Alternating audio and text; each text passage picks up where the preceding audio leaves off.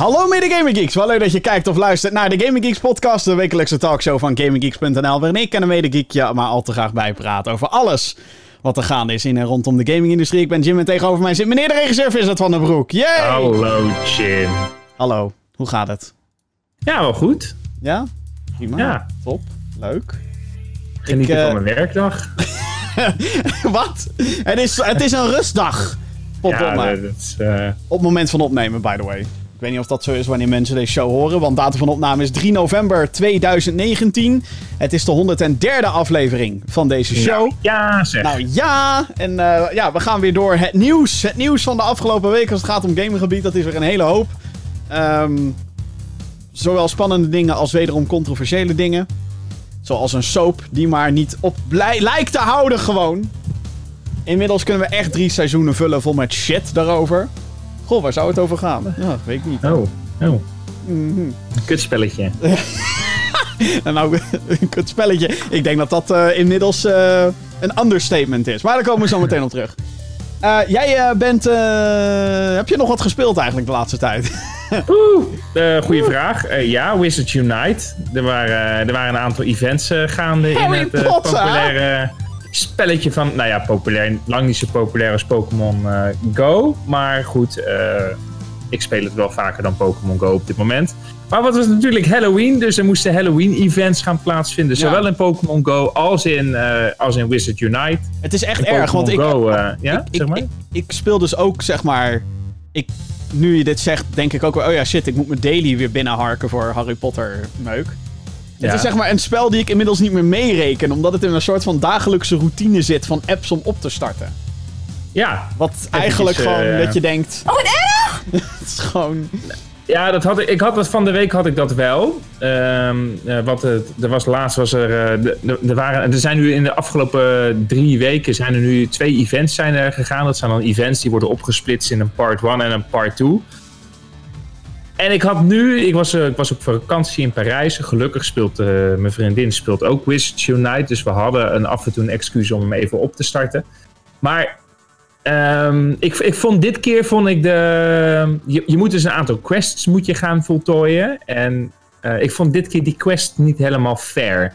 Ik had echt het gevoel alsof je dit keer echt. Ja, ik had dit keer echt het gevoel alsof je er echt voor moest betalen. Om het voor elkaar te krijgen. Je moest dus eh, vijf krachtige potions moet je brouwen. Nou ja, wat moet je daarvoor doen? Daar moet je allemaal ingrediënten voor hebben. Maar het zijn wel vijf en ik had, daar had ik zoiets van. En dan moest je ook nog eens vier portkeys. Moest je, nee, zes portkeys moest je in totaal unlocken. Portkeys, dat is eigenlijk net als in de eieren in Pokémon Go. En daar komt er een eitje uit. Nou, hier eh, kom je dan in een soort andere wereld kom je terecht. Waarin je. Wat moet je eigenlijk. Wat zijn het eigenlijk voor. Wat zijn het voor dingetjes, die balletjes die je moet eh, opgraven daar, Jim? In, in Harry Potter? Ja, als je in zo'n portkey eh, opent. Maar ja, goed, dan moet je een paar van die Balletjes. elfen balletjes moet je gaan eh, verzamelen. En die staan dan voor ingrediënten en zo. Oh, rack spots. Ja, jij speelt. Dat is ook vervelend als wij het over deze game hebben. Want jij speelt het in het Nederlands. ja, En ik speel het zoals het hoort in het Engels. Dus ik krijg de officiële J.K. Rowling naampjes. Overal. Ja. Of nou, officieel J.K. Rowling. Hm. Ehm, maar ja, ja, dat maakt het inderdaad lastig om... eh, maar dat, rack spots, ja. ja. ja, ja, het zijn dus balletjes die je moet verzamelen. En dan kan je dan ingrediënten krijgen. Maar ja, dan moet je nog eens hopen dat het dan die eh, ingrediënten ook voor die krachtige potion zijn. Dus ik had dit keer had ik echt zoiets van. Nee, nee, zijn nee, te nee, ver gegaan. Echt, echt te ver, echt te ver gegaan. Ja, echt, echt heel erg geld, eh, geldwolfjes. Heb je al geld in de game gestoken überhaupt? Ja, zeker weten, Jim. Mag ik vragen Daar gaan we het er ook niet over hebben. Hoeveel? Oh, nee, ik, ik, wat zal het zijn? 10, 15 euro totaal, denk ik. oh, wauw. Oké. Ja, dat is wel significant meer dan, dan ik dat heb gedaan. Over, eh, over die afgelopen periode. Dus ik denk wel. eh, en ik had toevallig dus voor die vijf krachtige potions. heb ik dus inderdaad 5 euro's neergelegd. Oh, oh, dus het event heeft jou gewoon... Oh, wat erg. Oh, wacht, heb ik het Ja. gelijk. Ja, da- Oh. Ja, ja, ja, ja, ja. Het voelt ook heel vies. Ik voel me ook heel vies erover. Dus laten we een, naar een ander onderwerp gaan. Nou, ik vraag me dus wel af, want wat ik nu merk met die events... is dat het wel elke keer... Er zijn inmiddels een aantal events dus geweest in-game. En het is wel elke keer hetzelfde. Het is wel elke keer een soort wisseling van pak zoveel foundables, oftewel vang zoveel Pokémon in Pokémon Go termen. Ja, Ehm, eh, brouw zoveel potions, gebruik dit type potion zoveel keer en unlock zoveel portkeys. Of doe zoveel wizard challenges, wat dan denk ik gyms zijn in Pokémon Eh, Go. ja, soort van, ja, soort van. Ja, Mm, soort ja. van. Maar het is, het is wel elke keer hetzelfde of zo. En daarin merk ik nu wel, zeker toen we die... Want er was een event vorige week. En toen daarna kwam een heel kort Halloween-event. Dat ze ook dachten, kut, we moeten iets met Halloween gaan doen of zo. Zo kwam het Ja, dat over. was echt, eh, echt op het, zo kwam het echt over. Zo van, oh ja, shit, Halloween, eh, fuck. Evenement volstaat niet. Eh, Ja. Oké, we doen nog maar even een snel een, eh, Snel- een snel- één, eh, event. Ja, dus... Ja, en, en dan zie je dat er in Pokémon Go dat daar toch wel even net wat meer aandacht aan besteed wordt. Dan heb je een Pikachu die je kan vangen, die dan eruit ziet als een Mimikyu. Dat, die, die vage Ja, Pikachu. ja, die soort van emo, Ja. depressieve... eh, ja, die gekke. Ja. Ja, dus, eh, dus, eh, ja, dus heb je een aantal van dat soort eh, dingetjes. Dan weet je van ja, in Pokémon Go daar zijn ze dan toch even net wat. ja, dat, dat, dat pakken ze dan even net wat leuker aan. Ja, en ik heb dus ook wederom gehoord dat, of gelezen zelfs, dat volgend jaar dus, ze blijven wel echt dingen aan Pokémon Go ook toevoegen, significante dingen. Zo schijnt dus dat volgend jaar Ja, komt de online trainer battles of zo komen dan naar Pokémon Go. Oké. Dus dan hoef je niet meer bij elkaar in de buurt te staan om tegen elkaar te vechten, maar dan kan je gewoon online afspreken of gewoon zoeken waarschijnlijk of zo. Naar Nou, volgens mij, volgens mij kon je. Oh nee, misschien ja, trainen. Maar ik weet, volgens mij kon je op, elkaar wel al op afstand uitdagen. Oh, oké. Wacht. dan Misschien... Maar er is, heel, er is echt heel veel is er veranderd in Pokémon Go sinds dat jij dat eh, ooit opgestart hebt. Ik heb het echt nog nooit opgestart. Dat is een Heb je het nog ding. nooit opgestart? Nee, echt nog nooit. Op mijn eigen telefoon niet, nee. Oké, oké. Ja, nee, het is... eh, Ja, oh, wacht, is hier is het. Even kijken hoor. Eh, Pokémon Go-spelers kunnen vanaf 2020 online tegen elkaar strijden. Eh bla bla bla. Eh, de nieuwe functie heet Go Battle League en laat spelers online tegen elkaar strijden in Pokémon-gevechten. Wel moeten spelers steeds naar buiten om toegang tot deze gevechten te krijgen, benadrukt Niantic. Oké. Dus, al dus nu.nl. Oké. Dus kennelijk, ja, ik, nogmaals, ik heb niet genoeg verstand eh, in, eh, ervan. Maar ik, ik weet dus niet hoe het nou zit met de toekomst van Wizards Unite. Want dat het niet zo groot is geweest of geworden als Pokémon Go. No shit Sherlock, weet je wel, dat ging sowieso nooit lukken. Maar ik merk gewoon een soort Anthem-sfeertje eromheen. Dat het zo is van, gaat er nog wat gebeuren, jongens? Of, of Nou, ik moet- ik moet we wel zeggen-? Want ik er is moet wel ook, zeggen, ja. er is ook dus een nieuwe Harry Potter mobile game aangekondigd. Nu is dat alleen in China gebeurd en wordt het een trading card game. Maar dan denk ik wel, jezus, nog een Harry Potter game. En dat moet Ja. wel vanuit diezelfde hoek komen, zeg maar. Dus eh, is het nu gewoon zo van, oké, dit is niet gelukt, dus we gaan nu een, een trading card game à la Hearthstone doen. Want hey, fuck it. Nou, ik denk het niet. Ik, denk, ik, ik, ik, ik ga ervan uit dat zij gewoon doorgaan met die updates. Ik moet wel zeggen dat ik die, eh, dat Halloween-event, dat je dan die basilisk dan moet verslaan, dat vond ik op zich wel, Ja. wel leuk bedacht. Ik had, eigenlijk had ik verwacht dat je met drie of vier man eh, die basilisk zou moeten verslaan. Net was echt te makkelijk. Potter, Hij was of- echt of net als in Pokémon Go. Ja, Ja. Het was het, hij was echt te makkelijk, ja. Hij was echt te makkelijk. Maar goed, toen ik dat zag, toen dacht ik, oh, oh leuk. Even iets anders. Oh, heksjes. Ja, een ander, oh, een ander character model. Wat is dit Ja. nou? ja, dat was Ja, wel... ja, dat dus. Dus dat had ik, eh, mm, dat had ik wel. En wat ik, wat ik nu ook wel fijn vind, is dat ze heel duidelijk dat eh, verschil laten zien. In die prisma's die je dus kan oppakken. Die, eh, die via via, die kristallen. Ja, ja. Die portkeys, dank je inderdaad. Dus dat je dan nu voor het event, dat je ook heel duidelijk weet, oh, die moet ik oprapen. Dus er veranderen wel dingen. En ik heb de indruk dat in die vijf maanden na de lancering van Pokémon Go en dan nu die vijf maanden na Wizard Unite, heb ik wel de indruk dat er hier wel meer is veranderd. Oh, oké. Ja, die indruk heb ik namelijk bijna niet.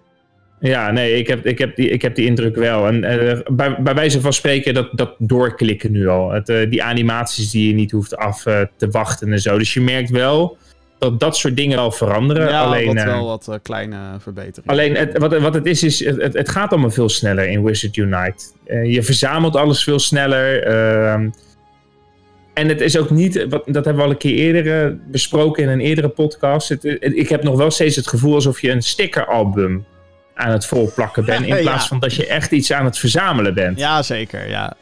Maar dat is sowieso een beetje de moeilijkheid natuurlijk met zo'n game als deze. En als dat... De Pokémon was de perfecte match daarvoor natuurlijk. Gotta catch them all. Je gaat, en je gaat Pokémon verzamelen. Dat is gewoon... Dat is een marriage made in heaven eigenlijk. Want daar, voor Pokémon Go was er al... God, hoe heette dat ook weer?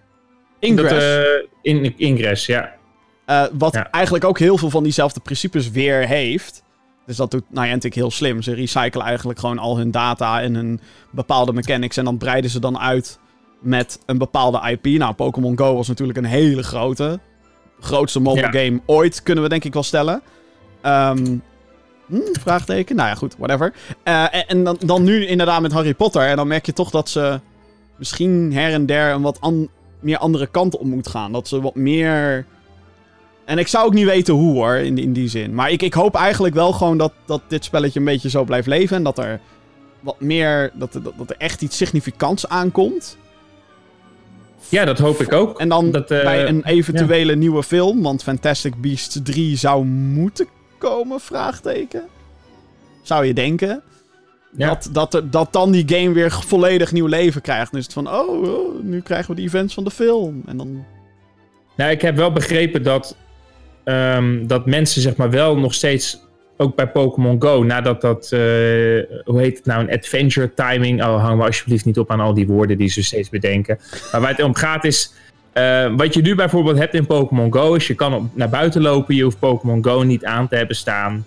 En op het moment dat je dan s'avonds thuis oh, Pokémon Go opstart, hé, hey, mijn kilometers. Ja, dat is iets, zeg maar, wat er wel voor heeft gezorgd dat dus meer mensen dat spel zijn gaan spelen weer. Ja, omdat je niet de oh. hele tijd, zeg maar, dat ding aan hoeft te hebben op je scherm. Want als je ook Precies. maar, dat is nu bij Harry Potter zo, als je ook maar uit de app gaat, uh, om, uh, weet ik veel, Twitter te checken of te, ja. te whatsappen ja. of whatever, dan telt hij je stappen gewoon niet mee. En het ergste is als je vervolgens teruggaat in Harry Potter Wizards Unite, weet dat ding ook voor de helft gewoon niet meer waar je bent. Of wat er gebeurd is. Of wat, wat ben je aan het doen?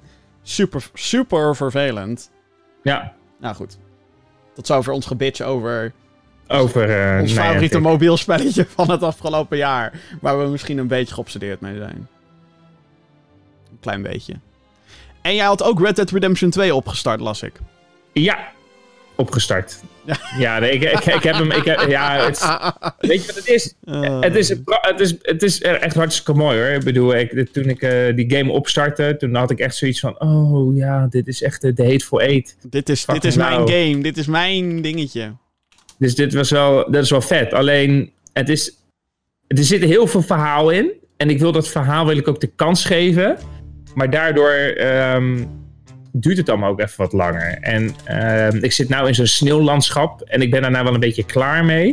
Dat ik zoiets heb van, oké, laat die natuur nu maar gaan zien. Maar goed, het is was, waarschijnlijk pas de proloog waar ik in zit. En dat ik uh, nog ja. zoveel dingen doen. Dus maar even, even, voor, even, voor, duidelijkheid, je speelt niet de PC-versie, want die komt nee, deze nee, week nee, alweer uit. Over, op het moment van opnemen, over twee dagen komt de PC-versie uit. Holy shit. Ik, ik ben wel hyped, maar ik heb er gewoon geen tijd voor, jongens. Ik heb toch voor, die Ja, dat is, een, uh, dat is inderdaad uh, het, het voornaamste probleem. Ik, uh, als ik nu, nu kijk naar de planning van november en december. Ja, misschien dat ik eind december. Ja, dat, dat kan iedere, iedere, iedere week kan het in één keer weer veranderen. Dus tijd is inderdaad wel de, grootste, de grootste factor. Maar ik heb hem voor de PlayStation 4 heb ik hem gehaald, bewust omdat als ik achter de PlayStation 4 zit, dan heb ik in ieder geval tijd gemaakt om aanstalten te gaan maken om te gaan gamen. En hier achter mijn computer is gewoon veel te veel afleiding. Ja. Maar het ziet, er, het ziet er prachtig uit. Maar wat ik ook heb gedaan afgelopen week, en dat vond ik wel leuk. Ik ben naar de Paris Games Week geweest. Oh, krijg nou wat joh. Jeetje, Mina. Ja. ja hoe, hoe was, was, dat? Uh... Nou, ik, ging, ik, ik wist dus helemaal niet dat er een Paris Games Week was. Uh, ik wist ook niet dat dat gaande was, terwijl ik daar in Frankrijk was. En ik uh, ging met mijn vriendin ging naar de chocoladebeurs groot, echt een groot terrein. Een beetje dat, uh, ja, een beetje die, uh, die, die hallen in, in, in, van Gamescom. Hoe heet die, die Gamescom hallen De Koelmessen? De Koelmessen, dankjewel. Beetje, beetje Koelmessen vibeje had ik wel. En, ik, uh, en ik, ik, zie een grote aura van licht zie ik om me heen. Ik zie in één keer Cyberpunk 2077. En Cyberpunk! Ik denk, Hè? Hè? Cyberpunk? En ik kijk naar de rechterkant en ik zie echt... Ik zie gewoon een mega complex ik zie er allemaal cosplayers en alles naar buiten lopen. En ik zeg, oh, dit is leuk, grappig. Maar goed, ik was dus op weg naar die chocoladebeurs. Dus wij waren naar die beurs gegaan. Nou, daar, eh, daar waren we eigenlijk binnen anderhalf uur waren we wel weer klaar op die beurs. En ik eh, kijk zo naar buiten. En ik zie zo dat perssteentje zie ik staan. Ik denk, oh, laten we gewoon eens even heen lopen. En ik was binnen. en ja, en het was, het, was echt, het was echt leuk. Het was echt, het is jammer. Eh, Wat ik jammer vind van het evenement is, want ik denk dat ik, ik denk dat wij vier uur, vijf uur, nee, vijf uur waren, stonden wij ongeveer buiten van die eh, naar die chocoladebeurs. En het duurde maar tot half zeven of zo, het hele, ja, ja. Het hele event. Gaat er een Dus beetje... sorry, wat zei je? ja, er wordt er een beetje van uitgegaan dat je eigenlijk al vroeg in de middag daar bent. Ja, precies, precies. Ja, maar het was op een vrijdag, eh, dus ik dacht van, nou weet je, dat, dat gaat wel even negen uur door of zo, lekker knallen. Maar dat was het niet. Maar ik heb, ik heb dat echt onderschat. Dat was, dat was echt heel groot. Dat is geen DreamHack Rotterdam, dat is geen First Look, dat is gewoon geen evenement hier in de Benelux dat we, dat we op die manier kennen, wat zo groot ook is. Dit was echt, echt Gamescom vibe. Ja, ik, ik heb er de afgelopen jaren had ik er wel van gehoord. Van Au Paris Games Week. Ook dat daar een paar, net zoals op Gamescom eigenlijk, daar worden niet de grootste aankondigingen gedaan. Maar wel dat daar een paar dingen worden getoond voor het eerst. En dat er een paar demo's zijn voor het eerst. Maar dit jaar heb ik er eigenlijk bijna niks van meegekregen ook. Het was Nou, volgens het mij was- ook dat Sony een paar jaar terug daarop inzette in plaats van Gamescom. Dan zeiden ze, op Gamescom hebben we bijna niks. Maar op Ja. Paris Games Week gaan we, toen hadden ze ook wat dingetjes aangekondigd. Ik zou nu niet meer weten wat, maar daar hadden ze dan wat scoopjes en zo. Maar Oké. dat was dit jaar... Ja, sowieso PlayStation is een beetje eh, MIA voor de PS5 en dat soort dingen. Als Ja. het gaat om eigen promo en, en... Tuurlijk pushen ze wel Death Stranding, waar we zo nieuws over hebben. Maar ja, eh, dus vandaar dat ik er dit jaar eigenlijk bijna niks van gehoord had. Wat gek is. Nee, er was ook niet heel veel, er was ook niet heel veel Nee. eh, reclame in de stad zelf. Het was gewoon, ik was daar en ik dacht in één keer van, oh shit, oké, games, let's do it. Ja. Maar het was echt heel, echt heel tof. Ik zou dat ook heel graag met jullie willen bezoeken. ja, dat we daar volgend jaar een keertje langs gaan tippen of zo. Ja, omdat het gewoon, maar echt omdat het gewoon zo groot was. Dat ik, eh, dat het echt, wat ik zeg, die Gamescom vibe, die had ik daar. En er was ook een, eh, een, eh, een, eh, zo, hoe heet dat nou? Je- Jim, help me even. Een e-sports. ja, e-sports was er inderdaad, maar ook een, hoe, heet, het, ook een, een pershal. Hoe noem je dat nou? een business lounge. Business lounge, dankjewel. En, en ja, woorden ik moet ook vandaag met Jim. Mijn hele keel is helemaal droog. Maar het was echt, het was mega groot. Het was echt mega groot. En, ik, en, en, en dat, dat verbaast me eigenlijk nog het meeste. Dat ik zoiets heb van, oh, dit heb ik echt onderschat dit. Hmm. En, en dat het echt, echt heel leuk eruit zag. En het is in Parijs, dus Parijs sowieso, Dat plus dat- één. is sowieso leuker dan, eh, dan eh, Keulen. Dus eh gewoon, Nou, er was, dit, weekend, dit weekend was er ook een EGX Berlin. Ook. Oké. EGX heb je ook nog. Dat is volgens mij ontstaan Ja. in Groot-Brittannië. Daar heb je dan EGX. En heb je ook nog eens een spin-off daarvan. Dat heet EGX Rest. En dat heeft wat meer focus op de wat kleinere titels. Nu Oké. ben ik daar natuurlijk groot fan van. Dus ik weet niet of ik jullie daar ooit mee kan slepen. Of mee, eh, nou ja, whatever. Ehm, maar er was ook weer een editie in Berlijn. Dus jongens, er zijn te veel game events. Ja, Ja, maar wel, eh, ja, maar wel de moeite waard om eventjes de, de wereld weer te gaan verkennen. ja we gaan eh, toeren door Europa. Gamer Geeks on Tour. Gamer Geeks on Tour, ja. oh, man, man, man. Ehm, nou, wat heb ik zitten spelen deze week? Eh, Borderlands 3 heb ik meer zitten spelen. Heb ik het al uitgebreid over gehad. Eh, review komt er binnenkort aan. En Call of Duty Modern Warfare, natuurlijk. Hey, de nieuwe Call of Duty. Hey. Wat me daar trouwens aan opviel. Ik had dus getweet dat Ja. ik de nieuwe Call of Duty dus... De, de Ja. Modern Warfare. Dat, dat ik die echt fantastisch vind. En ik heb gezegd van... Hey, de, dit is denk ik de beste Call of Duty in jaren. Ook al dat de game pas een weekje uit is of zo. En de reacties die ik kreeg, jongen. Ik werd echt bijna kapot gemaakt. Nou, oké, dat Echt is waar? misschien overdreven. Maar echt heel veel mensen die meteen zeiden... Nee! Fuck deze Call of Duty! eh, eh, eh, eh." En ik dacht, what the fuck? Normaal, normaal krijg ik alle kritiek over me heen als ik zeg... Fuck Call of Duty en... en Fuck, de, fuck deze game. Ben je een keer positief over een game? En dan zitten mensen allemaal... Fuck Call of Duty, bla bla bla. Maar het, het erg is, ik weet eigenlijk niet eens waar het vandaan komt. Oh, ja, ik weet wel wat de kritieken zijn. De kritieken zijn nu heel erg dat het mapdesign is kut en eh, te veel campers. Waarvan Oké. ik zoiets heb van, nou, als je te veel campers hebt, dan is het heel simpel. Schiet die campers verrot. Maar ik moet zeggen dat ik er eigenlijk tot dusver, afkloppen, heb Ja. ik er nog niet heel veel last van of zo. Oké. Ik bedoel, ik speel en ik speel ook niet super hardcore, weet je wel. Ik ben gewoon iemand die, die, die ben, is daar aan het knallen. En ik ben al lang blij als ik gewoon een positieve kill-death ratio heb, weet je wel. Dan denk ik, haha, fuck jullie allemaal. Ehm, dus ja, ik, heb, ik, ik, ik snap de kritieken eigenlijk niet. Ik heb ook die campaign wat meer zitten spelen. Die campaign is echt, oeh, dat, dat is echt heel goed. Ik denk dat jij Ja. die ook wel tof eh, zou vinden. Dat er heel veel van die filmachtige momenten in zitten. Er is bijvoorbeeld een missie in een huis. En heb je natuurlijk Ja. je night vision goggles heb je op. En eh, wat daarin gebeurt is best wel gruwelijk. Want er worden gewoon... eh, er zitten daar terroristen zitten erin. En die moet je dan natuurlijk stil zien uit te schakelen. Mhm. Maar die houden dan ook gewoon letterlijk eh, vrouwen vast. Zo van, oh, ik schiet de dood, ik schiet de dood. eh. Ehm, en er is ook een moment dat een vrouw dus gewoon een baby, zeg maar, gaat vastpakken en zo. Alleen maar zodat je haar niet neerschiet. Want, want dan denk ik wel van, Wat, oh, zodat je haar? niet neerschiet.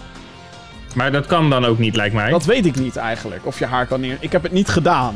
Misschien is mijn moreel te hoog voor dit spel. Ja, ik mag hopen dat dat niet, eh, dat dat niet kan. De baby neerschieten of die vrouw neerschieten. Ja, ja beide. Gewoon. Nou ja, ik denk, ja, ik weet het niet. Ik bedoel, eh, er er zijn scènes dat er bijvoorbeeld een, een terroristische aanslag ergens is. En ja. als jij dan probeert die vijanden eh, neer te schieten, kan het zomaar zijn dat je iemand die ook wegrent, die compleet onschuldig is, dat je die ook raakt. Oké. Ja, ik vind het wel, eh, ik vind het wel heftig. Maar in die zin juist wel heel goed. Ja. Omdat het, eh, het, het is gemaakt om je te chockeren, weet je wel. En heel veel mensen die, die vinden dat dan iets beledigends. Oh, er alleen maar om jou... eh." En dan denk ik, ja, dus. weet je wel. Ja. Who cares? Ehm, want ja, who cares? Heel veel mensen. Maar het laat ook een beetje zien hoe gruwelijk eh, oorlog kan zijn, in die zin. Ja. Dus ja, nee, ik, ik, Hey, maar daar vermaak je je wel in. Ja, dat klinkt nu heel luguber. Ja, dat geweld, dat vind je wel leuk. Eh, ja? ja, nee, maar het, het- eh, ik bedoel, het verhaal aan zich is niet zo heel bijzonder. Het is gewoon terroristen en die hebben een wapen gestolen, ga het terughalen. Ehm, Ja. Maar het is wel, eh, ik vind het, maar gewoon de, de presentatie en alles eromheen. Het is echt zo'n mooie game is het. Het is echt ongelooflijk. Dus ja, nee, ik, ik snapte dat niet. Dat ik, eh, en ja, level design. Ik ja, bedoel, het level design in de multiplayer. Tuurlijk zijn er hit of miss eh, maps in. Ja. Maar tot dusver vind ik dat men een beetje overdrijft. Maar dat is misschien ook omdat ik niet de uber hardcore modes doe. Ik doe gewoon lekker team deathmatch en zo, weet je wel. ja. Dus nee, nog steeds eh, van aan het genieten. Nou, leuk. Ja. Eh, ja, goed. Zometeen gaan we het hebben over ehm, eh, gratis games. Want hey, nieuwe maand, nieuwe gratis games die je kan binnenharken. Je kent het wel. En EA heeft heel wat plannen, maar ook vage. Dus ja, dat. Maar eerst, Vincent, heb je het meegekregen? BlizzCon 2019 is volgens mij inmiddels geweest. Op het moment dat wij dit opnemen. Ik, eh, heb, eh, ik heb het artikel op GamerGeek.nl gelezen. Kijk, dat is goed. Dat is heel erg goed. Ehm, nou, er is heel veel gebeurd. Eh BlizzCon 2019, dus op het moment, op het moment dat we dit opname, aan het opnemen zijn, is het al voorbij, geloof ik. Zo goed als. Het is het evenement in ieder geval waar Blizzard Entertainment eh, nieuwe aankondigingen doet. En waar de finales van hun e-sports toernooien gehouden worden. Als het dus gaat om die Blizzard games, uiteraard. Ja. Zo wist het Nederlandse Overwatch-team tot de kwartfinale te schoppen. Dat heb ik gezien. Oh, netjes. Ze werden best wel hard ingemaakt door Frankrijk. Misschien is hier een link. Maar eh, helaas, ja, kwartfinale is toch nog wel eh, eh, knap. En een vrouw die won voor het eerste Hearthstone wereldkampioenschap, wat leuk was. Maar er was natuurlijk meer nieuws, dames en heren. Eh, vlak voor de openingsceremonie begon, bijvoorbeeld, kwam president van Blizzard, J. Allen Brack, het podium op. Ja. En eh, ja, die, die had eigenlijk een beetje zijn reactie op de grote China en Free Hong Kong controverse.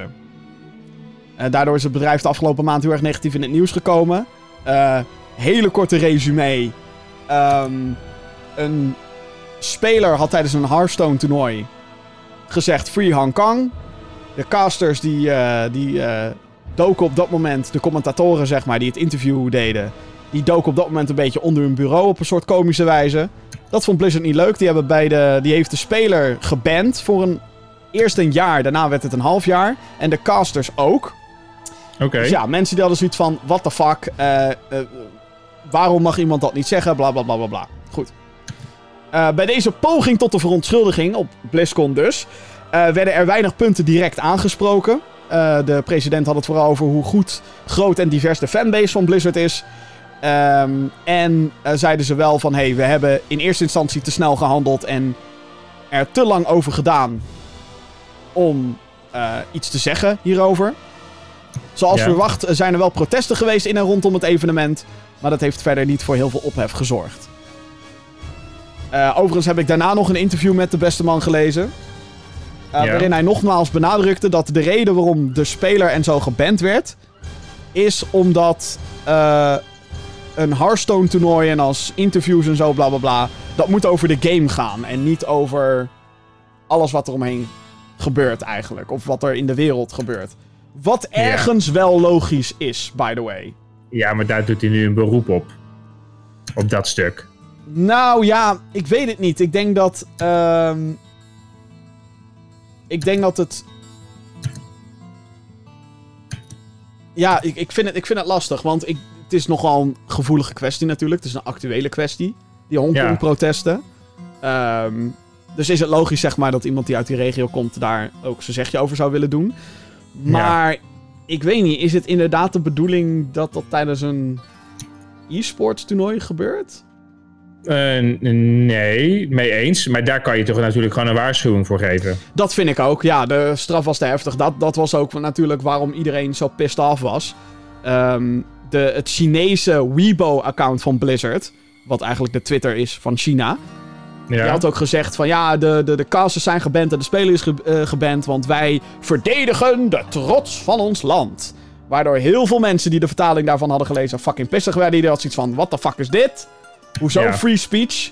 Ehm, nu zegt die president guy, die zegt Ja. nu van ja, maar dat is NetEase, de Chinese publisher van Blizzard. Want hoe het zit is dat Blizzard zelf niet mag handelen, kan handelen in China. Daar heb je een partner voor nodig. En hij legt nu dus die schuld neer bij die Chinese partners. Want dat is wat hun hebben gezegd, oké? Niet wij. Wij zijn fucking onschuldig. Ja. Ja. eigenlijk moet je die speech even terugkijken. Het is echt vol met PR bullshit. Ik zat echt tijdens de stream zat ik te kijken. Ik dacht, hallo. Zeg gewoon. Hij noemde het ook een difficult e-sports moment. Zeg gewoon, we hebben BlizzChan gebankt. Dit is waarom. We zijn te heftig geweest, maar sorry. Maar hij is nu weer unband. Nee, nee, die zes maanden blijven staan. Inmiddels is het een maand geleden, dus nog vijf maanden. Ja, dat, eh, dat blijft gewoon staan ook. Dus we hebben, ja, we, we hebben, het was niet helemaal eerlijk hoe we gehandeld hebben. Maar we blijven Nee, wel nee, bij nee, onze hij- acties. Hij zei, eh, we staan nog steeds voor free speech, bla bla bla bla bla. Eh, overigens zag ik in het publiek tijdens de livestream... zag ik ook iemand met een, met een Winnie de Pooh knuffeltje zitten. Dus die Ja. werd niet de deur gewezen.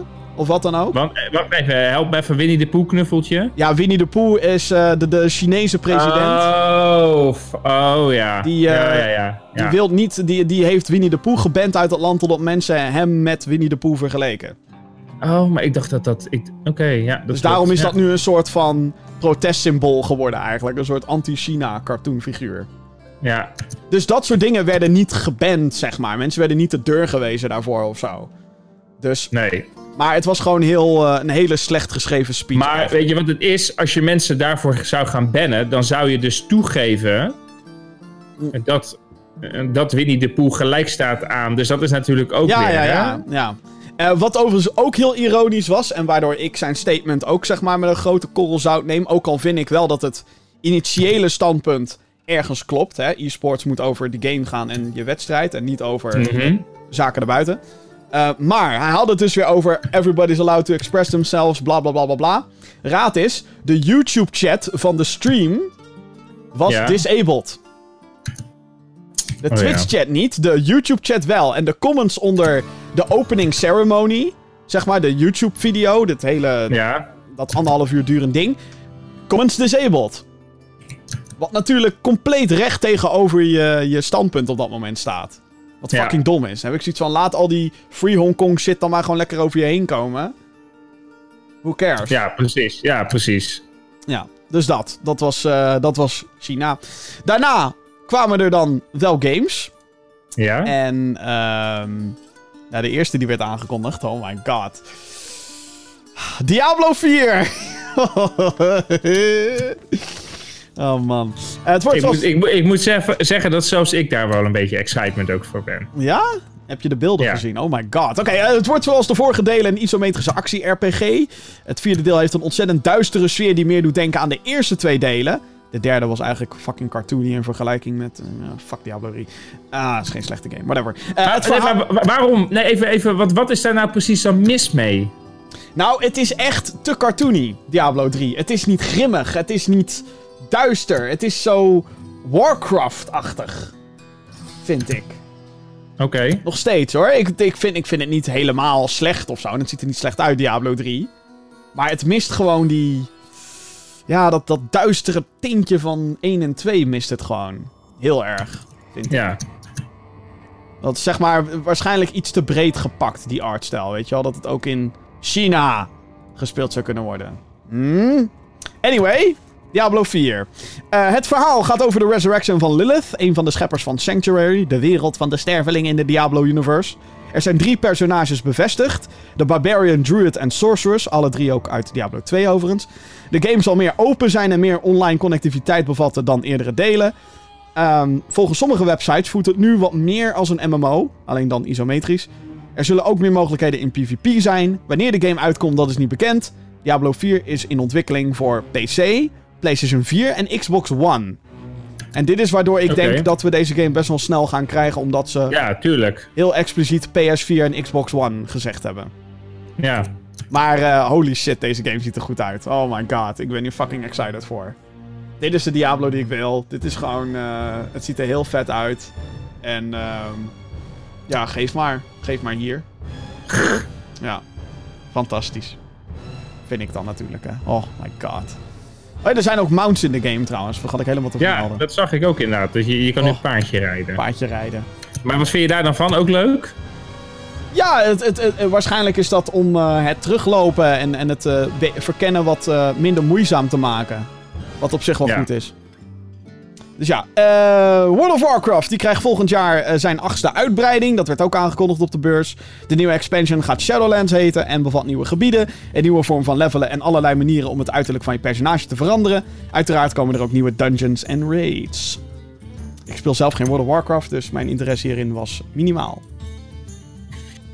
Maar goed. Wat ik wel interessant vond, dat was Hearthstone, de kaartgame. Daar werd namelijk eh, ook een nieuwe uitbreiding van aangekondigd. Op 10 december verschijnt de set Descent of Dragons voor de kaartgame. En zoals de titel al doet vermoeden gaat het over draken. En het sterker maken van draken en dat soort dingen. Opvallender, vond ik dan, is de onthulling van de mode Battlegrounds. Dit gaat een auto-battler worden die, die, eh, die vergelijkbaar is met Teamfight Tactics en Dota Underlords. Je moet dus zo'n sterk mogelijk deck van minions zien te verzamelen. Acht spelers gaan na een aantal fases met de computer tegen elkaar strijden. Maar wie wie dus aanvalt, dat gebeurt automatisch. Oké. Dit is eh, op, op dit moment heel erg populair. De, ehm, het, het Auto Battler Teamfight Tactics is wel een naam die je regelmatig voorbij ziet komen. Dus ehm, heel slim dat ze dit doen, want Blizzard had zoiets dergelijks nog niet. En om dat dan te integreren in Hearthstone is eh, een goede keuze. Er zal een open beta zijn, die gaat op 11 december gaat die live. Voor degene die het wil proberen. Dus dat is een dag na de uitbreiding Descent of Dragons. Dus ja, daar zijn ze goed mee bezig. Ja, dat denk ik. Het heeft niet echt mijn interesse, maar... Nee, ja, dat, eh, dat dacht ik al. ja. Maar, misschien is dit wat voor je dan. Want als klap... Waarschijnlijk ook niet. Nee, ja, dat dacht ik al. Oké, fuck it. Ja, als klap op de vuurpijl werd eh, Overwatch 2 aangekondigd. De multiplayer hero shooter krijgt een vervolg dus, waarin er naast competitieve gameplay ook verhaalmissies aanwezig gaan zijn. Je kan online met andere mensen verschillende missies doen tegen computergestuurde vijanden. Dat is het zogeheten PvE. Voor de personages kan je in dit, deel, in dit deel skills unlocken. Talents worden ze genoemd. Zoals verwacht komen er ook nieuwe characters waar je mee kan spelen. Een aantal is niet gegeven, maar we, we moeten niet verwachten dat we evenveel nieuwe heroes krijgen als bij de launch van de eerste Overwatch. Dat waren er toen 23, geloof ik. 22. Als het gaat om de competitieve gameplay is het eh, wat ingewikkelder. Alhoewel, aan de ene kant ook weer niet. Alle heroes en maps uit de eerste game die zijn ook aanwezig in Overwatch 2. Er komt een nieuwe mode die Push heet. Dat is in principe de payload, maar dan met een robot die voor beide teams kan pushen. Dus dan heb je geen attack of defend. Dan is het beide teams vallen aan en verdedigen tegelijkertijd. Spelers van de eerste game kunnen crossplayen met Overwatch 2 gamers. eh, maar dan enkel met de heroes en in de levels van de eerste game. Al je progressie en vrijgespeelde of gekochte extra's gaan mee naar de nieuwe game. Dus skins en dat soort dingen. Hierdoor voelt het wat mij betreft meer als een expansion pack dan een volwaardige game. Een release date, die weten we niet. Wel is er gezegd dat het minstens nog een jaar gaat duren voordat we Overwatch 2 kunnen verwachten. Als ik een voorspelling moet doen, mei 2020? Dat zou dan vier jaar zijn na de release van deel 1. Of mei 2020, eh, mei 2021, sorry. Zo, zo lang nog? Ja, dat denk ik wel. Als we nu nog minstens een jaar moeten wachten. Moeten Ja. wachten. Nou, dat is dan november 2020. Zou ook zomaar kunnen hoor, dat ze voor een najaarsrelease gaan. Maar ja, ik, ik weet niet. Ik zie het ze ook wel doen dat, eh, dat ze 2021 gaan pushen. Maar dat zou dan vijf jaar na het originele, de originele release zijn, by the way. Zeg Ja, maar, wat ik dus... Ja, er zijn natuurlijk heel veel vraagtekens. eh. Ja, ik vind, ik, ik vind het ook heel raar. Want wat ze dus eigenlijk zeggen is... hey, de, de PvP, de competitieve meuk... gaat eigenlijk bijna gelijk zijn aan de eerste. Dus dan Ja. ga je straks 60 euro betalen voor nieuwe characters, maps en de PvE. Wat op zich niet heel slecht is of zo, lijkt me. Ehm, maar hoe zit het dan met grafische verbeteringen? En is dat dan gelijk? Wordt Overwatch 1 geüpdate of niet? En eh, wat ik vooral heel grappig vond, is dat ze dan zeiden: ja, we willen de playerbase niet splitten. Dus Overwatch 1 spelers kunnen gewoon met Overwatch 2 spelers spelen. Wat natuurlijk niet waar is, want je split de playerbase wel. Want degenen die Ja, Overwatch tuurlijk, 2 ja. hebben, kunnen alleen in de. Of die kunnen ook in de nieuwe maps zitten en met de nieuwe heroes. En dat kunnen Overwatch Ja. 1 spelers niet. Nee, maar dan, eh, wat- hoe ik daar dan denk, hè, ik ben geen Overwatch-speler. Dan zou het voor mij interessant te zijn, als ik dat ooit zou willen, om Overwatch 2 te gaan spelen. Ja, want nu is zeg Maar- maar één soort van absoluut vraagteken. Niet echt, Ja, maar dan is het dus zo, zeg maar, dat ik betaal dan full price voor die game waarin ik alles heb wat in deel 1 dus blijkbaar ook zit. Ja. Correct me if I'm wrong. Nee, nee, dat klopt. Maar, ja. maar, maar jij betaalt ook full price om de shit te kopen die je al hebt. Ja, maar dan zeg ik wel: hey, ik heb die game persoonlijk al vijf jaar geleden gekocht. Eh, e- eer, eer dat Overwatch 2 uit zou komen, als mijn voorspelling waar is. Mei 2021. Maar dan zeg ik: hey, ik, heb, ik speel die game nu al 3,5 jaar, bij wijze van. Ja, maar dan ga je toch weer geld neerleggen voor iets wat je al hebt. Nee, want je krijgt nieuwe shit. Ja, maar dan is de vraag zeg maar van... Betaal je dan 60 euro voor die nieuwe shit? Plus wat je al hebt? Of is dat dan 30 euro wat je dan extra bij betaalt? Snap je een beetje wat, Ja, wat ja, ik ja, bedoel? ik, ik snap, nee, ja, maar zo, zit ik ook inderdaad. Van, het is gewoon heel raar hoe ze het ook... Ze hebben het ook heel vaag uitgelegd. Niet echt duidelijk voor wat je nou krijgt met deel 2. Het is een beetje... Ja, het, het, het- ik bedoel, het is tof, weet je wel, dat je niet eh, straks overnieuw hoeft te beginnen als het gaat om skins unlocken en dat soort shit. Al dat geld wat daarin is gestoken, dat gaat dus mee. Dat is fijn. Maar het is... Ik heb, da- ik heb dan ook echt de vraag van... eh, maar komt er dan nog een aparte launcher in? Of wordt de Overwatch 1 launcher gewoon vervangen door Overwatch 2? En dat je dan hè, Ja, content gaat gaten op die manier? Of, of hè? Ik snap het gewoon niet helemaal. Ze maken het eh, wat lastiger dan wellicht nodig is. Kijk, aan de ene kant vind ik het dus heel nobel dat ze zeggen... Hey, al die skins die heb je niet voor niets, want die... Hè, nogmaals, die, die, die gaan mee. Maar in hoeverre kan je dan de, de PvP van Overwatch 2 evalueren... als iedereen Mhm. alsnog gelijk aan elkaar moet zitten? In die zin. Dus ik, Ja. vind dat, ik vind dat jammer. Ik vind dat echt heel jammer. Dus ja, ik snap het niet helemaal wat dat betreft. nee, het is ook niet helemaal duidelijk. Ja. Maar Ja, goed, daar hebben eh, ze nog anderhalf jaar eh, dan over om daarover Ja, ik het, het kan altijd heel lang duren met Blizzard voordat de games die ze hebben aangekondigd daadwerkelijk uitkomen. Eh, zo werd er voor World of Warcraft, of World of Warcraft door mij nou, Warcraft 3 eh, Reforged, dat is een remake, remaster, whatever, van Warcraft 3. Die werd vorig jaar aangekondigd. En dit jaar was er geen nieuws over. Sterker nog, eh, die, zei, die guy zei zo van, we're gonna announce a release date soon. Ja, Ja, What the fuck? Gewoon, what the fuck? Kom nou, man. En Diablo Immortal, ook niks meer van gehoord. De mobile game. Niet dat we dat echt willen of zo. Uh, denk je dat dat helemaal van de baan is? Nee, nee, nee. nee. Er is wel, nieuwe, is wel nieuwe info naar buiten gekomen tijdens BlizzCon, maar niet tijdens die persconferentie. Daar dachten ze, die moeten we vermijden. You guys do not have phones. En ik blijf erbij. Een Diablo Immortal, een Diablo mobile game is helemaal geen slecht idee. Alleen de manier hoe ze dat vorig jaar hadden aangekondigd als de grote announcement. Fuck dat. Ja, dus dit was beter. Dit was wel... Ja, nee. Als ze nu Diablo Immortal hadden aangekondigd naast Diablo 4... was er niks aan de hand geweest. Er was er letterlijk niks aan de hand geweest. Helemaal niks. Dan hadden we het alleen maar tof gevonden waarschijnlijk. Ja. Behalve dan misschien dat het gemaakt wordt door een Chinees bedrijf. In de huidige omstandigheden natuurlijk. Maar... Ja. Hm. Maar ja, eh, en, en, wat ik al zeg... Ik, ik, denk dat Diablo 4 eerder komt dan Overwatch 2. Op de een of andere rare manier. Omdat ze heel specifiek PlayStation 4 en Xbox One al hebben benoemd. Dat heb ik voor Overwatch 2 nog niet gehoord. Je zou denken dat ze nu gewoon zeggen: Oh ja, nee, uh, tuurlijk komt hij ook op PlayStation en Xbox en Switch. Maar ja. waarschijnlijk zijn ze dat nog aan het uitvogelen. Of misschien kijken ze of ze Overwatch 2 dan alleen op de PlayStation 5 en Scarlet gaan doen. En misschien niet eens op Switch, omdat dat niet kan. Of dat ze dan uh, technisch, weet je wel. Geen idee. Oké. Maar ja, ja, misschien is het tegen die tijd weer een Switch die het wel aan kan. Een Switch Pro. Dat zou me ook niks verbazen, nee. Persoonlijk. Nee, ja, dat. Nou, dat was BlizzCon. Uh, best wel spannend. Veel beter dan vorig jaar.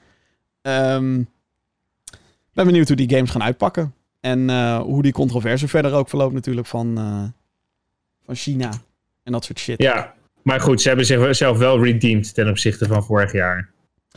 Ja, als we puur en alleen kijken naar de announcements, eh, was dit jaar inderdaad veel beter. Het risico daarmee natuurlijk wel is altijd dat wat, wat gaan ze volgend jaar dan aankondigen? Dat wordt dan natuurlijk ook meteen automatisch veel minder boeiend. En dat heb je altijd. Je hebt altijd een, bij BlizzCon een jaar waarin echt grote announcements zijn. Al is het één nieuwe grote game, dan is dat al heel wat. En dan heb je altijd een jaartje, oké, we hebben een World of Warcraft expansion en een Hearthstone expansion en een nieuw Overwatch character. Yay!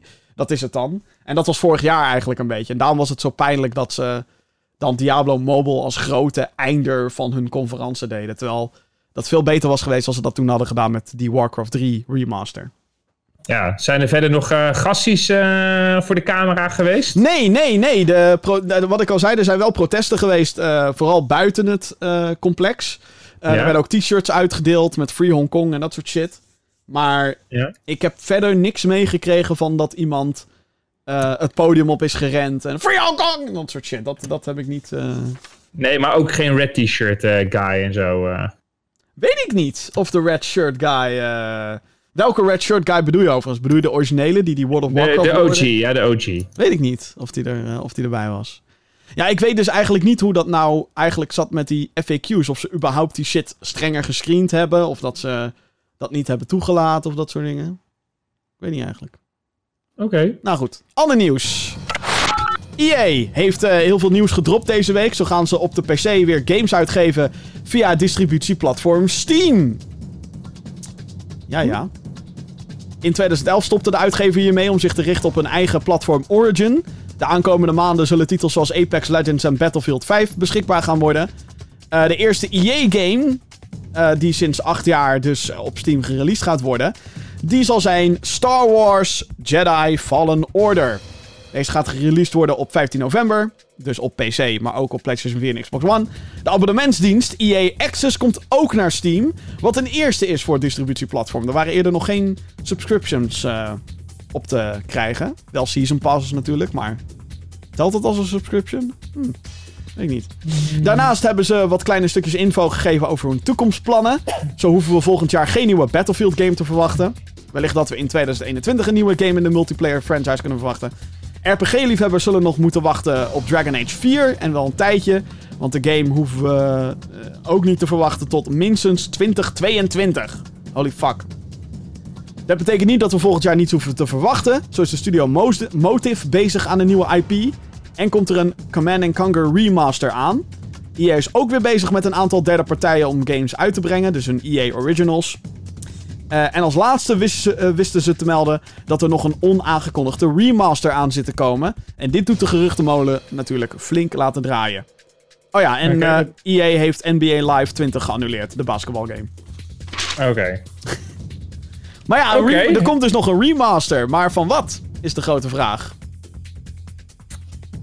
Hmm. Als ik een eh, gokje mag wagen, Dead Space. Althans, die zou ik wel graag willen zien, denk ik. Een, een Ik grafisch... denk, ik, ik denk dat dat te snel is. Nou, hij is al 11 jaar oud inmiddels, Dead Space 1. Als je dan toch, hè, RTX on, vette lichteffecten, bla bla bla. Weet je, die horror franchise Ja. weer terugbrengen. Ik zou het eh, stiekem heel tof vinden als ze met Harry Potter eh, remakes gaan komen. Dat zou wat zijn, hè. Nou, die rechten liggen dus niet bij EA meer, helaas. ah, Die liggen bij Warner Brothers, de rechten van de Potter games. Dus eh, ik denk dat die van de baan is, maar ik zou, ik zou dat ook wel willen hoor. Aan die oude Harry Potter games weer. Nieuw, compleet Zo, ja. grafisch, compleet fucking nieuwste technologie. En dan Flipendo. ja. Hello, Even, hebben we daar überhaupt nog iets van gehoord? Van dat Harry Potter eh, gedoe? Van die echte Harry Potter, die gelekte footage. Nee, helemaal niks. Verdomme Oké. Warner. Maar we weten gewoon dat het bestaat. We weten dat het real is. Het was geen fake bullshit. Anders had Warner Nee. Brothers... Want op, op het moment dat die beelden gelekt werden... Van een, een, een gruwelijke Harry Potter trailer... Waarin je echt als een wizard door Zwijnstein ging... En je moest trolls aanvallen... En je kon bruggen opnieuw constructen met magic en shit. Je kon een eigen wizard creëren. Het zag er gruwelijk uit. Ja. Op het moment dat die trailer gelekt werd, dat was, dit was anderhalf jaar geleden, denk ik al, of twee jaar misschien zelfs, al. Warner Brothers heeft meteen al die shit lopen claimen op YouTube. Meteen. En dat doen ze echt alleen maar als er iets aan de hand is. En niet als Nee, maar dit was voor, het was vorig jaar. Dit Oh, vorig jaar. Oké, Ja. dus scheelt het. Ja. Dus ja, dat... eh, woe. Zo, dat vind ik Oké. cool. Ja. Ja, ik zou het ook niet weten eigenlijk. Ja, eh, heel veel mensen roepen nu... Oh, eh, niet voor Speed Underground 2, want die was lauw, bla bla bla. Mm, ik weet niet. Ze, hebben, ze brengen gewoon een nieuwe Need for Speed uit. Dus ik zie dan niet de reden om nog een Need for Speed te remasteren. Maar dat ben ik. Eh Denk je niet Burnout. dat ze gewoon met een eh, Battlefield remake gaan komen? ehm, hmm, Battlefield dat, 3. zou, dat zou wel heel hard zijn eigenlijk. Oh, Battlefield 5. Fuck Battlefield 5. Ik denk, niet dat, ik denk dan niet dat het een Battlefield 3 gaat. Ik denk, nee, ik denk het sowieso niet. Nee, ik denk dat ze nog eh, Battlefield 5 nog willen laten doorleven. Oké. En, ehm hoe heet het? De, ze zijn nu ook oudere maps aan het toevoegen naar Battlefield 5. Zo is Metro Oh, uit. Battlefield 3. Die zit nu in Battlefield 5. De Oké. Metro map. Wat best wel dope is, vind ik dan. Dus ja, we, welke remaster? Ik heb eh, verder ook geen idee. Ze kunnen, ze kunnen van alles en nog wat uit de kast trekken. De Sims 1. Die Ja. oude... Nee, gaan ze ook niet doen. Crisis. Zo. Dat zou eh, interessant zijn. Heel interessant. Ja, ze moeten toch met iets komen. Ja. Hm, crisis. Plot twist, denk ik, of zo. Dan nieuws over Death Stranding. Eh nou, heel wat onduidelijkheid voor vele gamers, dus het hoge woord eruit. Eh Death Stranding, de nieuwe game van Hideo Kojima, komt naar de PC. Yay! In de lente kunnen we de poort gaan verwachten. Op 8 november verschijnt de PlayStation 4-versie van de titel met Norman Reedus in de hoofdrol. Eh, de reviews die zijn ook verschenen afgelopen week voor de belangrijke pers, zeg maar. Die zijn gemengd tot positief. Wat ook wel interessant was eigenlijk om daar de reacties van te lezen. De reviews waren wel enigszins beperkt met waar ze het over konden hebben. Dus heel veel recensies waren ook dat ik dacht, ja, je vindt het verhaal interessant, maar wat is er nou echt interessant aan? Dat mogen ze natuurlijk niet zeggen. Nee. Dus ja, dat, dat, dat vind ik dan altijd vervelend aan die hele vroege Bizar dat ze best wel heel erg gelimiteerd zijn dan. Ja, het is ehm, eh, zeker qua videorestricties was het best wel. Nou, heftig wil ik misschien niet zeggen, maar je mag alleen maar footage gebruiken van chapter 1 tot en met 3. En eh, eh, tot max 20 minuten aan footage mocht er getoond worden en dat soort dingen. Dus het was best als, wel. je, als je zoveel strikte regels hebt, dan zegt dat toch al genoeg ook. Nou, dat is volgens. Ja, ik ga nu heel erg even aan de kant van, van Sony staan, in dit geval. Maar dat is voornamelijk om spoilers eh, te voorkomen. Spoilers zijn natuurlijk redelijk. ehm, hoe noem je dat? Subjectief. Van wat is nou een spoiler Ja. en wat niet. Ehm, ik bedoel, zo, kan ik, zo kunnen wij waarschijnlijk dingen roepen over Spider-Man. die ze ook niet wilden eh, in het begin. dat wij die onthulden. Ja. Eh, zo weet ik heel goed uit mijn Spider-Man recensie, ook van Sony natuurlijk, eh, dat ik een bepaald... De aanwezigheid van een best wel huge character... Ja. ik absoluut niet onthullen. en we weten... nou ja, jij weet wie het is en ik weet wie het is. Ja, ik weet Eh. nog niet of ik het echt weet. Jawel. Gewoon daar waar, waar Peter werkt. Zeg maar. Oh ja, ja, ja, ja, ja. ja. Dus heb ik al eigenlijk al. Ik ben nu ook heel mysterieus aan het doen, terwijl die game al twee jaar uit is inmiddels. Holy shit, Spider-Man al twee jaar uit? Jezus. Maar dus in die zin snap ik het ergens wel. Maar het, het- Ook al twee jaar? Was dat niet vorig jaar? was Spider-Man 2018 of 2017? Nee, toch. Dat gaat me toch niet vertellen dat dat. Nee, oh, nee, nee, nee, nee, dat was 2018 denk ik. Zo, De, tijd, de echt- tijd, jongens, de tijd. Ik kan Ja, het niet ja maar ik bedoel, je kan, je kan er niet zomaar overal even een jaartje aanplakken, Jim.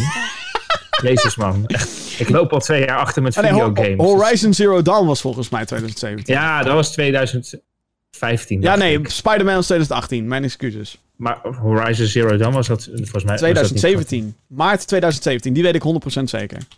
Horizon Zero Dawn. Die weet ik 100% zeker. Of was het februari 2000, eh, Nee, het was in ieder geval februari, want ik ben Februari, ben ik er nog heen gegaan. 28 februari in Noord-Amerika 2017. 1 maart 2017 in Europa. Ja, Dus dat was eh, die. Ja, de tijd gaat echt hard. Het is echt bi- bizar eigenlijk. Goed, volgende nieuwtje.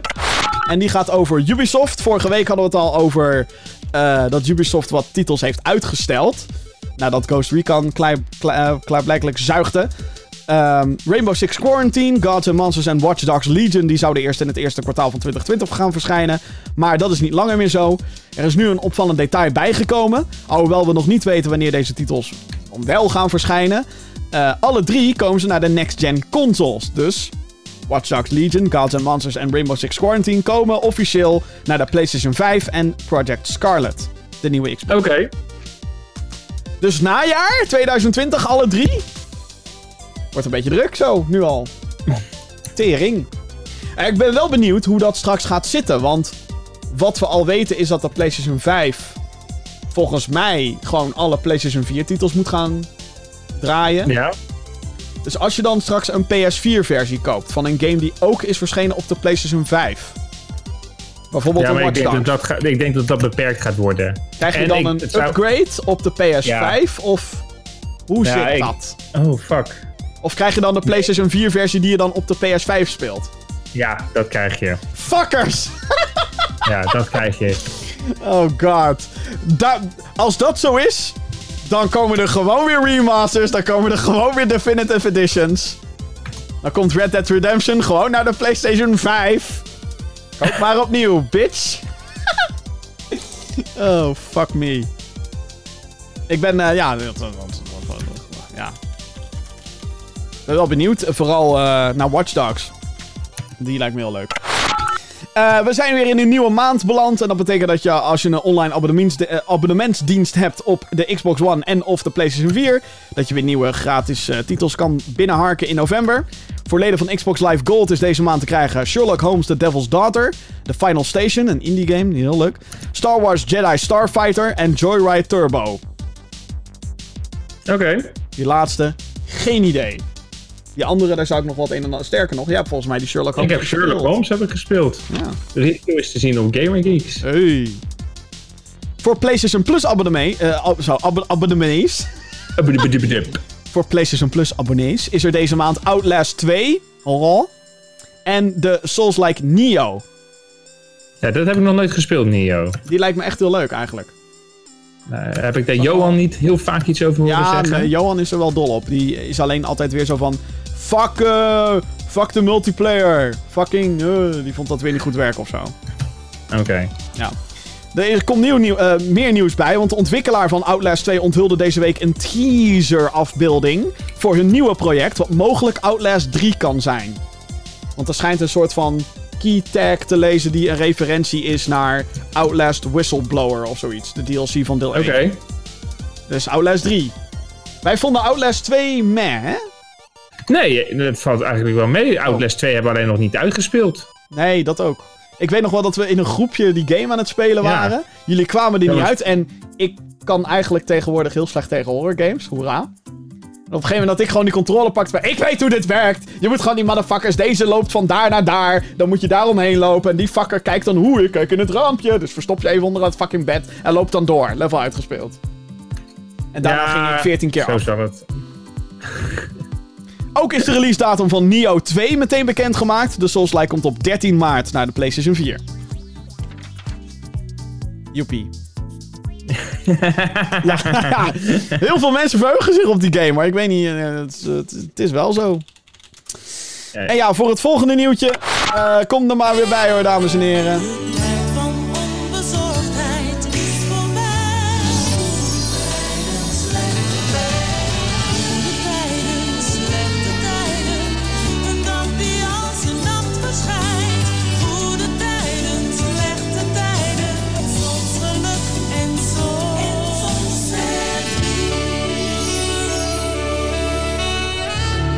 Welkom in een nieuwe aflevering van de Fallout 76 drama soap. Fuck deze fucking game. Er is weer nieuws. Hoe is het mogelijk? Oh jee. Yay. Oké. Was vorige week ook nieuws, toch? Ja, toen was dat hele fucking abonnementsdienst was toen Oh, ja. gaande. Ik kan echt niet geloven dat we gewoon nu weer over deze fucking game gaan hebben. Holy shit. Een Australische commissie, die Australian Competition and Commission... Een overheidsinstantie die zich buigt over de rechten van consumenten... heeft ZeniMax, het moederbedrijf van Bethesda, opgedragen klanten terug te betalen... voor Fallout 76 als deze dat willen. De reden is omdat consumenten misleid zijn met het product... In het statement staat onder andere: When a consumer has purchased a product that has a fault which amounts to a major failure, the Australian consumer law provides them with the right to ask their choice of either a repair, replacement or refund. Maar eh, hoeveel mensen gaan hier denk je in een beroep... Ja, ik zou wel, als ik een troller zou zijn, zou ik daar wel een beroep op doen. Ik denk dat er mensen die de game gekocht hebben, die er toen eigenlijk pas achter kwamen wat voor piece of shit dit was en het sindsdien niet meer hebben opgestart, dat die hier denk ik wel een beroep op gaan doen. Ja. Uiteraard is er veel ophef geweest om, omtrent Fallout 7 die shit. De game heeft talloze bugs, vele functies blijken niet te functioneren en sinds een paar weken worden veel gevraagde opties achter een abonnementsdienst gesloten en dat is Fallout First. Er zijn nu ook geruchten dat Bethesda van plan is om exclusieve items aan te bieden aan leden van de abonnementsdienst. Dit betekent dus dat je betaalt voor een abonnement om daarna geld voor exclusieve items neer te leggen. En als dit zo is, holy fuck. Ja. Je hebt, eh, je hebt het ongetwijfeld een beetje meegekregen. Wat vind jij nou eigenlijk van die hele Fallout soap? Weet je, ik, eh, ik vind het heel knap dat, eh, dat die game nog steeds verkocht wordt. Dat die game nog steeds updates krijgt. Dat mensen nog steeds de moeite nemen om hier artikelen over te schrijven. Het is gewoon... ehm, het is eh, wat je zegt. Het is echt gewoon een één grote soap drama. Het is echt eh Het bizar. is echt... Het is, het is bizar. Ik, ik, ik verbaas me er ook over dat je iedere week wel weer iets kan vinden. Ja, het is, maar het is niet eens alsof ik hoef te zoeken hiernaar. Het staat gewoon overal. En misschien is het inmiddels ook gewoon een trend geworden dat mensen het Nou, leuk dat vinden. wilde ik dus net zeggen. Eh, dat is het ook geworden. Tuurlijk, wat ik bedoel... eh, Zeker. eh, le- Zeker. lekker, lekker gewoon die game helemaal kapot maken. Omdat we toch ons moeten afgeven op iets. Maar het is wel terecht. ik Het is wel af- terecht. En ja, zeg maar. Ja, ik vraag me dus af of dit vaker gaat gebeuren nu. Dat in ieder geval die Australische bond gaat zeggen van... Hé, hey, eh, dit spel wat je hebt geadverteerd, dat eh, draait voor geen meter zo. Krijg de tering. Mensen kunnen gewoon lekker hun geld terugvragen. Of jouw policy dat nou accepteert of niet. Ik vind dat aan de ene kant wel goed. Misschien dat... Eh, Ja, maar heb- hebben we dat ook niet zoiets gewoon in Nederland? Nou, ja, dat, dat, er zit dus een gigantisch grijs gebied omdat het digitaal is. En dat is waar natuurlijk dan de shitshow, zeg maar, komt. Omdat je... Hè, want je accepteert altijd als je zo'n online game gaat spelen, dan accepteer je ook een bepaalde policy. En in die policy, in die 14.000 pagina's aan bullshit, staat natuurlijk ergens... Nou ja, je hebt nu deze, pol- deze gebruiksvoorwaarden heb je geaccepteerd, dus... Maar Australië zegt nu dus gewoon... Nee, Bethesda, fuck you. Mensen kunnen gewoon hun geld terugvragen, want deze game doet niet wat het adverteert. Maar dat moet toch gewoon ook gewoon een gamer zijn die, die, dat, die dat heeft. Die dit heeft aangekaart, zeg maar. Die, dit zo, die, die zoiets heeft van. Ik, oh, dit was mijn geld niet waard en nou ga ik het hele rechtssysteem van Ik zou dat Australië eigenlijk fucking lauw vinden. Dit is wat we straks Ja. gaan krijgen. Als er straks eenmaal als al die bejaarde hoofden uit al die overheden weg zijn en zeg maar onze generatie komt aan de macht, dan Ja, Jee, je bent fucked. ja, ja. Dan Maar ga, je ja. al die, dan, ga je, dan ga je inderdaad die diep gewortelde haat ga je krijgen. Want er zitten allemaal mensen op overheid, eh, op uh, Nee, maar ik vind, het, ik vind het in die eh, zin ook gewoon terecht. Want ze Ja. adverteren één ding. En vervolgens krijg je gewoon een kapot product, basically. Dat accepteer je nat- natuurlijk ook niet als je een wasmachine koopt en die, Nee, tuurlijk niet. Of ja, het ene wasje doet het wel. En het andere wasje doet het niet. Of half. Ja, fuck off. Dan breng je ook dat ding terug natuurlijk. Ja, is ook zo. Dat is ook zo. En het is gewoon zo dat uitgevers zijn met te veel shit weggekomen de afgelopen 20 jaar. Waardoor het nu zeg maar nieuws moet zijn dat dit nu gebeurt. Maar eigenlijk hadden we dit... Op het moment dat online gaming een ding, werd, was dit natuurlijk al iets wat gebeurd had moeten worden. En er, er is natuurlijk een mate van, van nuance. Ik bedoel, technisch gezien kan er altijd wat fout gaan. Dan heb je, hoef je niet meteen een overheid erbij te betrekken. Maar Fallout 76 is wel echt een extreem geval. Ja.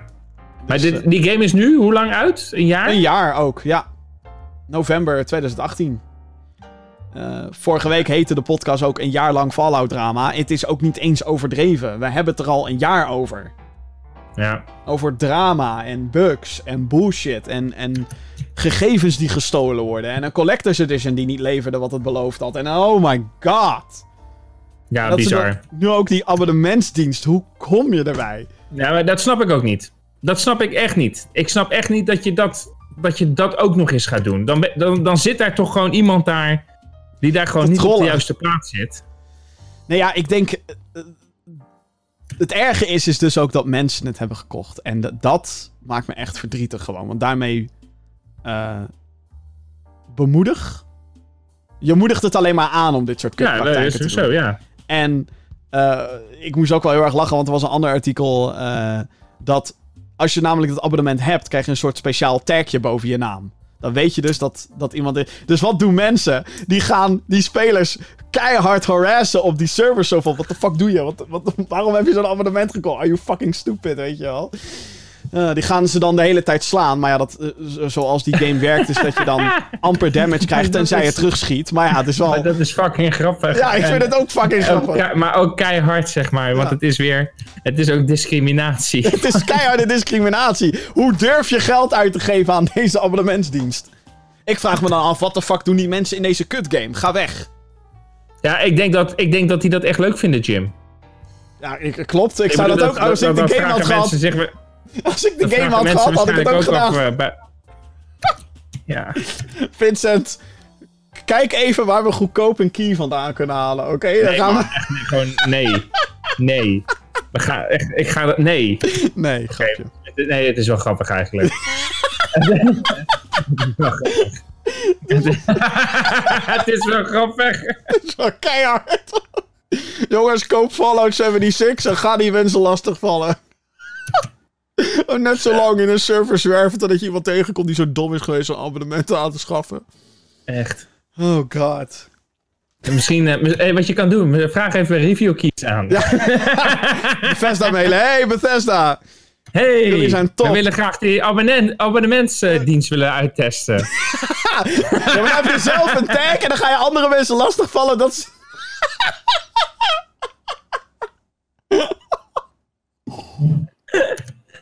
Oh. Deze mag in de categorie. Oh, wat erg! Oh man. Oh, zullen we nog wat ditjes of datjes doen? Eh, Doe je ding, jongen. ja, nou ja, dit is ook voor jou is dit belangrijk. ja. ja. Eh, elke week hebben we wat eh, opties. Je moet kiezen, is eigenlijk een beetje de bedoeling van dit spelletje. Als je trouwens suggesties hebt voor ditjes of datjes, of überhaupt vragen voor de show, mail podcast.gaminggeeks.nl. Dat is het mailadres waarin jij al je vragen kwijt kan. podcast.gaminggeeks.nl. Oké, Vincent, ben je er klaar voor? Ik ben er klaar voor, Jim. Ik, Ik heb er eh 1, 2... Zo, wat deed jij nou?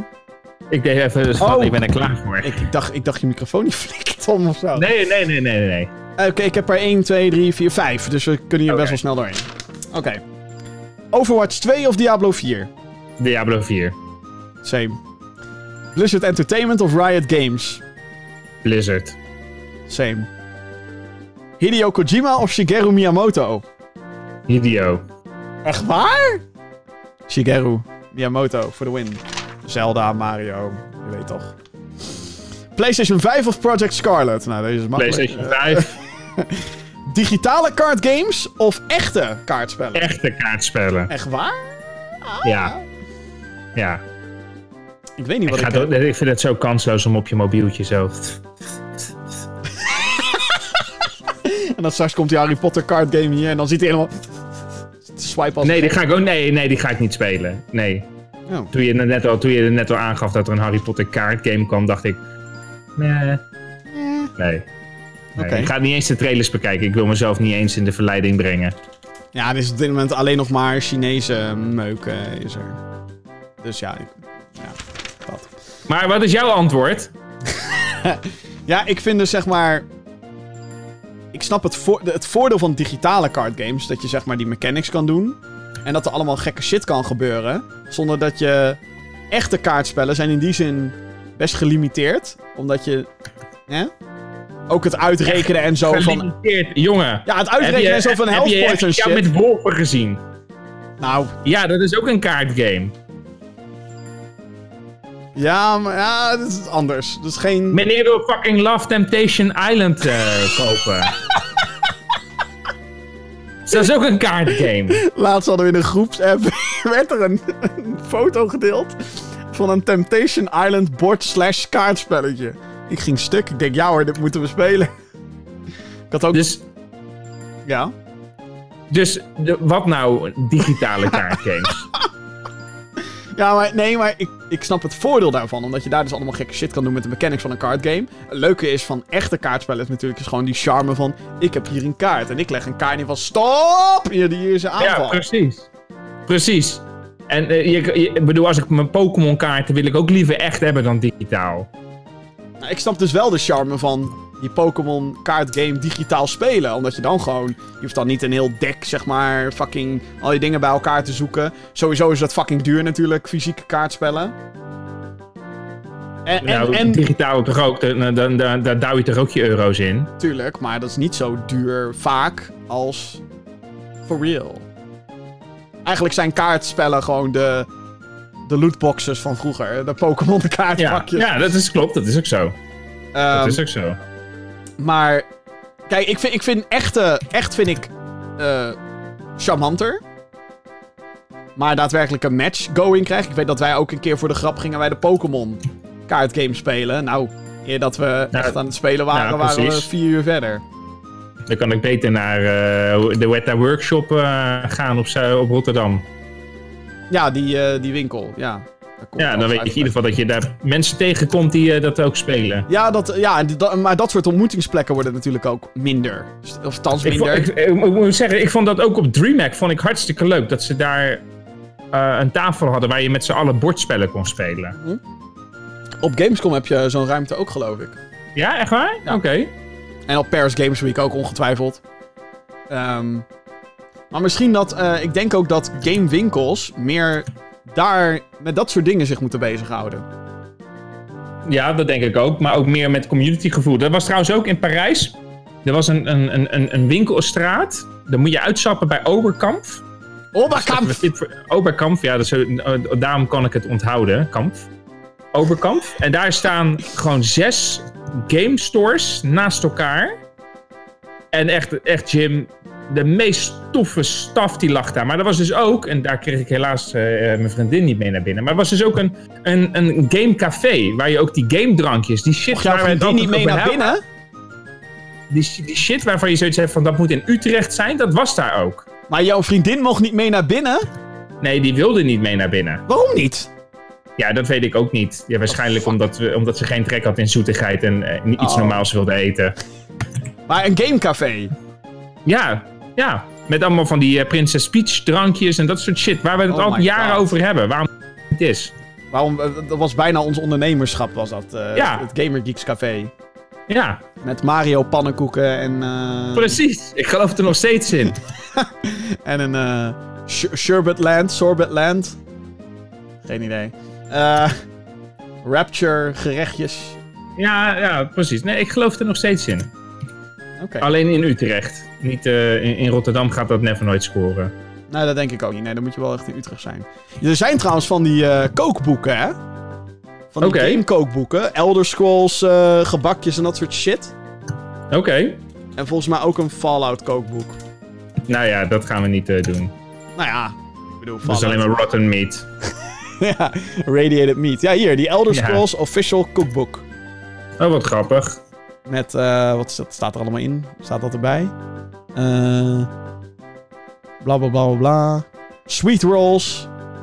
Apple cabbage stew. Sunlight soufflé. Eh, wij- misschien moeten we dit een keertje gewoon eh, Ja, lijkt, klinkt lekker. hardcover. Op voorraad, kijk. In winkelwagen. Zo. Nou, Wat? wat? Dat ging snel. Ja, nee, ik heb het gewoon gevonden. Dus eh, het is eh, gewoon eh, het is wel weer geld naar Bethesda. Maar goed, het hoort erbij, hè, denk ik dan. Dus. Ah, koken, Ja. binnenkort. Leuk. Daarmee zijn we bijna aan het einde gekomen van deze aflevering van de Gaming Geeks podcast. Deze week op Gaming Geeks eh, komt er sowieso weer een nieuwe review van mij. Ik ben daar heel erg mee bezig de laatste tijd. Eh, vraag me niet hoe het me is gelukt om eh, de afgelopen acht, pak een beetje acht weken, de hele tijd achter elkaar een review te, te, te maken. Maar het is me gelukt. Deze week komt er ook weer eentje aan. Wellicht van Wolfenstein Youngblood, wellicht van Red, geen idee. Eh, er is een nieuw eh, eh, game-overzicht, want hey, nieuwe maand, eh, nieuwe releases. Gaming Geeks Next is er. En Jordi die komt terug met Fuck the What? Nou ja, zeg. En check natuurlijk in de tussentijd gaminggeeks.nl voor het laatste gaming nieuws. Zoals een heel handig overzichtje van alles wat er is gebeurd op BlizzCon. Ja, aanrader. Ik wist het niet. En weekoverzichten ook trouwens. Elke week releases en dat soort dingen. Goed, super handig allemaal. GamingGeeks.nl. Deze podcast die kan je natuurlijk beluisteren op je favoriete podcastdienst. Dat is Google Podcast, Apple Podcast of Spotify. Eh, er is ook een videoversie eh, beschikbaar via youtube.com slash gaminggeeksnl.